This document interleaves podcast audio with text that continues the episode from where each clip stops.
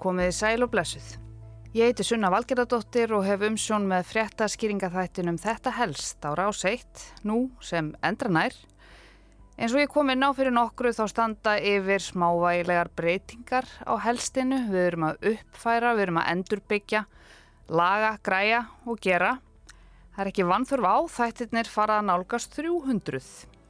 Og eftir nokkra daga tekur endur bætt helst á móttekur í hádeginu á rás 1 í línulegri dagskrá eða þeir ykkur hendar á internetinu. Við erum ekki að snúa öll á haus, við höldum áfram með daglegar fréttaskýringar, stór mál og smerri íslensk og útlensk. En þanga til þá ætla ég að leifa fleiri röttum að heyrast hér. Við höfum nefnilega haft marga góða umsjónarmenn og konur í þessum tæplega 300 þáttum af þetta helst. Við mætum svo brakandi fersk til leiks innan tíðar með nýtt og endurbætt helst á sama tíma og alltaf strax að loknum hátegisfjöttum hér á rás 1. En í dag þá ætlum við að hlýða á helst þátt veru íllugadóttur um dular full döðsföll rústneskra auðkífinga. Þátturinn eldist bara nokkuð vel svo ekki sem minnst á sjálfan umsónarmannin. Döðsföllin eru orðin svo mörg að það er komin sér listi á Wikipedia 2022 Russian Businessman Mystery Deaths, dularfull döðsföll rúsnenskra kaupsíslumanna árið 2022, bara þetta eina ár.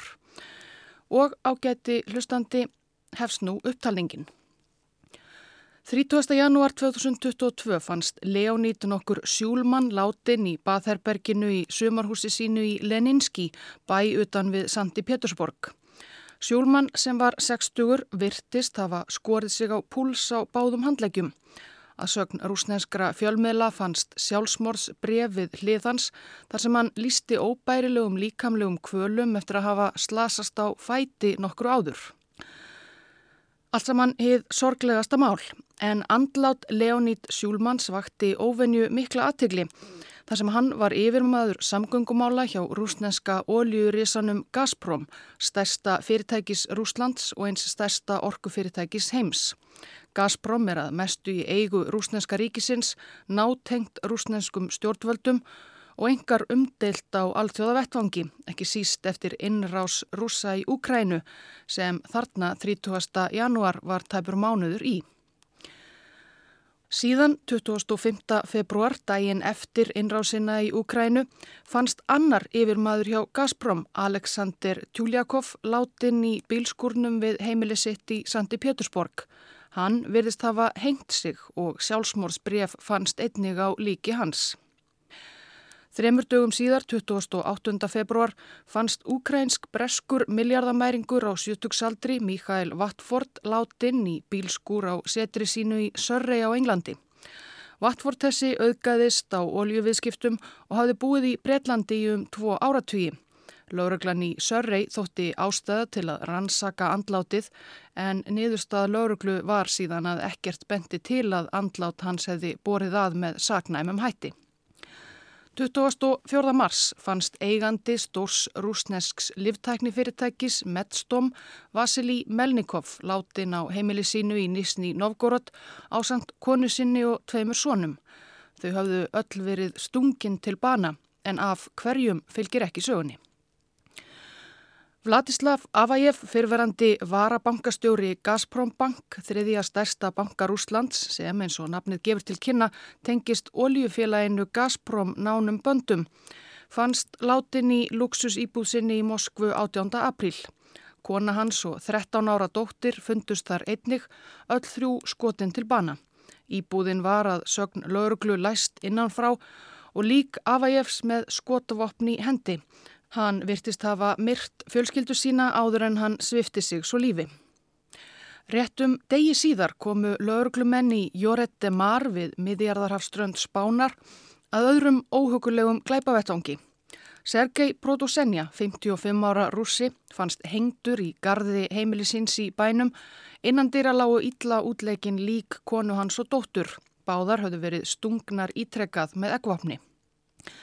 Protosenja var fyrirverandi yfirmaður hjá Risa orkufyrirtækinu Novatek sem er næst stæsti jarðgasframleðandi Rúslands á eftir Jú Gazprom. Kenning spænsku lauruglunar er að Protosenja hafi myrt konu sína og dóttur og síðan hengt sig. Eftirlifandi sonur hans hefur hafnað þessu og segist fullveisum að fadir sinn hafi ekki verið morðingi. Hann segir brauð í tabli. Þriðja mæ ljast Andrei Krúkovski, stjórnandi skíðasvæðisins Krasnaja Poljana við Svartahafið ekki langt frá Sochi.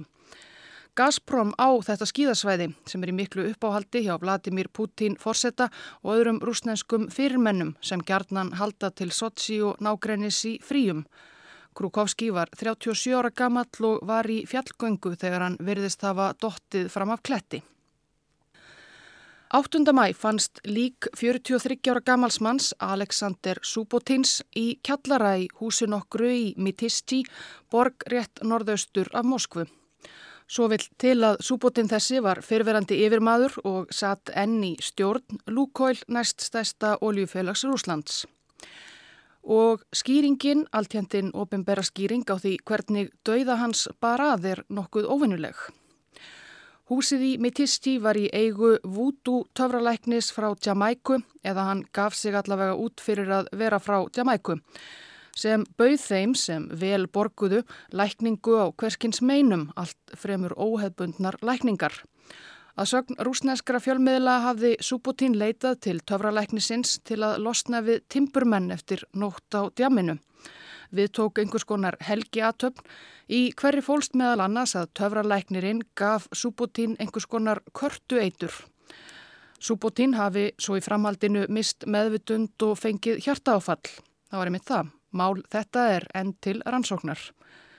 En áfram með smjörið.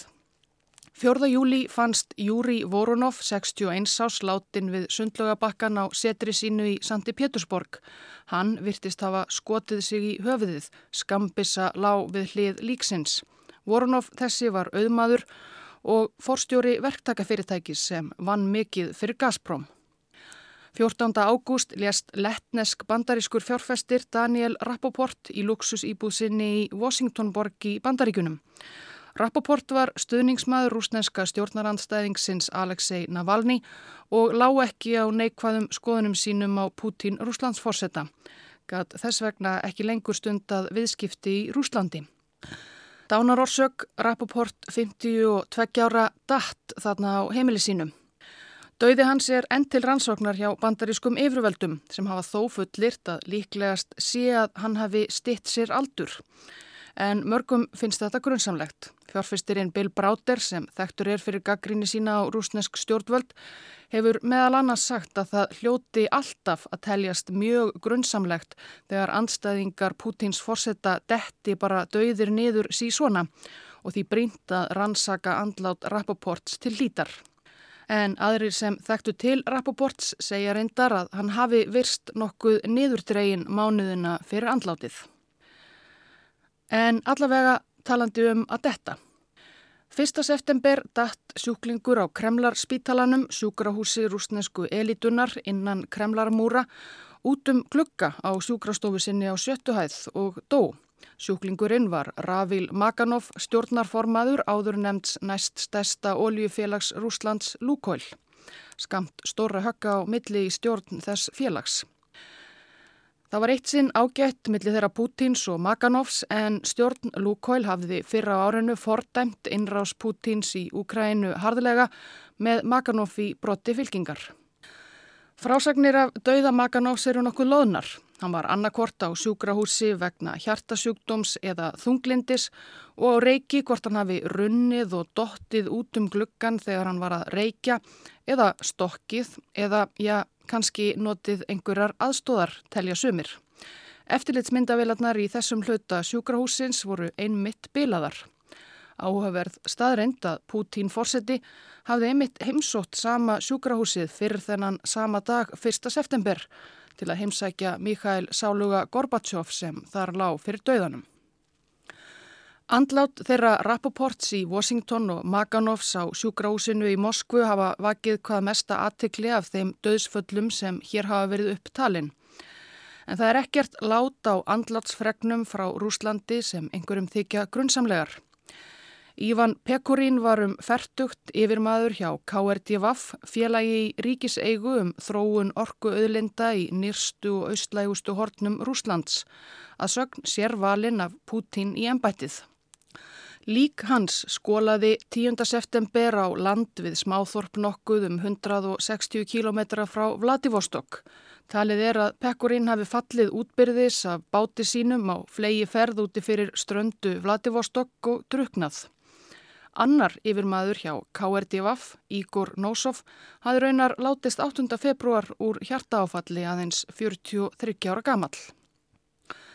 Vladimir Sungorín, 68 ára, rítstjóri dagblaðsins Komsomolskaja Pravda sem stiður rúsnesk stjórnvöld, komst skindilega í andunauð á leiði hátteismati vinnuferð til Kaborovsk í austur Rúslandi 14. september og hafði það ekki af. Og síðasta dæmið á listanum á Wikipedia er bara örfára daga gamalt. 21. september síðastliðin lést Anatóli Gerashenko fyrverandi rektor flugverkfræði háskólans í Moskvu, skóla sem á í náinni samvinnu við rúsneska varnamálaráðunetið. Garstjenko var hættur sem rektor en syndi enn ráðgjafastörfum við skólan og fyrir rúsnesk stjórnvöld. Hann húrraði niður stíga í háskólabyggingunni margar hæðir og var úrskurðaður látin þegar læknar komu á vettvang. Eins og framhefur komið finnst einhverjum allavega, einhver þessara 15 döðsfalla rúsnenskra karlmanna sem hér hafa verið upptalinn grunnsamleg. Allavega þartnist þau nánari skoðunar af einhverju tægi. Það verðist hafa verið sorglega mikið um sjálfsvígi í rúsnenska orkugeranum það sem afer ári. Nokkuð um að menn myrði fjölskyldu sína og síðan sjálfa sig og fyrðulega mikið um að menn detti hist og herr. Óutskýrð döðsföll rúsa sem tengjast pólitík, hernaði, orkugeiranum eða öðrum business er svo sem ekkert nýtt.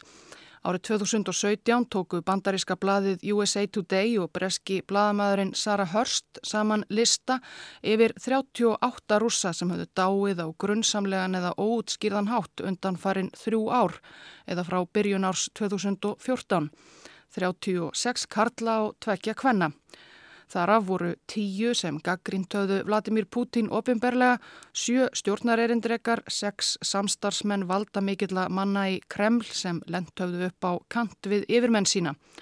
Þrettán voru herfóringar eða tengdust stríðsregstri rúsa í austanverðri Úkrænu á annan hátt. Tólf voru skotnir, stungnir eða barðir til bana, allt svo greinilega myrtir. Seks voru sprengtir í loft upp, tíu voru sáðir hafa látist af náttúrulegum sökum. Einn lest vegna dölar fullra höfuð áverka eins og það var orðað. Einn rann og datt á höfuðið í baðhúsi. Einn hengdi sig í fangelsísklefa og einn dó eftir að hafa hvernig sem það má vera drukkið kaffibotla. Og svo eru auðvitað frægustu dæmin rúsneski gagnjósnarin Alexander Litvinenko sem eitrað var fyrir í Lundunum með pólóni 2006 og lést eftir sjúkrahúslegu. Niðurstaða rannsóknar breskra yfirvalda var að rúsneska leinithjónustan FSB hefði verið þar að verki. Niðurstaða sem Evróski mannréttindadómstólinn staðfesti í fyrra. Rúsneski stjórnaranstæðingurinn Boris Nemtsov var skotin til bana á brú í miðborg Moskvu 2015 Rannsóknarbladamenn miðlana Bellingcat í Insider og Breska Ríkisútarsins byrtu í mars í ár umfjöllunum morð hans. Þar kom meðal annars fram að menn á vegum leini þjónustu Rúslands hafi fyllt Nemtsov eftir í tíu mánuði áður en hann var skotin til bana.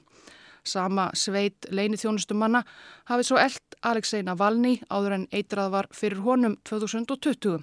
Navalny komst lífsaf en situr sem fræktir í fangelsi. Engar sannanir hafa verið ferðar fyrir því að einhverjum þessara manna sem hér voru taldir upp og eru sagðir hafa svift sig lífi, látist af slisförum eða innbyrt körtu eitur eða lífshættulega kaffibodla hafi raun og veru verið vísvitandi ráðin bani.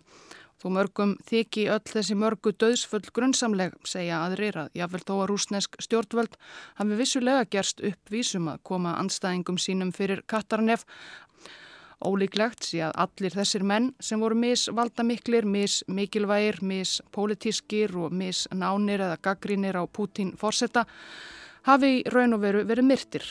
En hver veit? Þetta var vera ílúadóttir að fræða okkur um langan lista látinna rússa, lista sem hefur nú lengst tölvert síðan að þátturinn fór í loftið í september.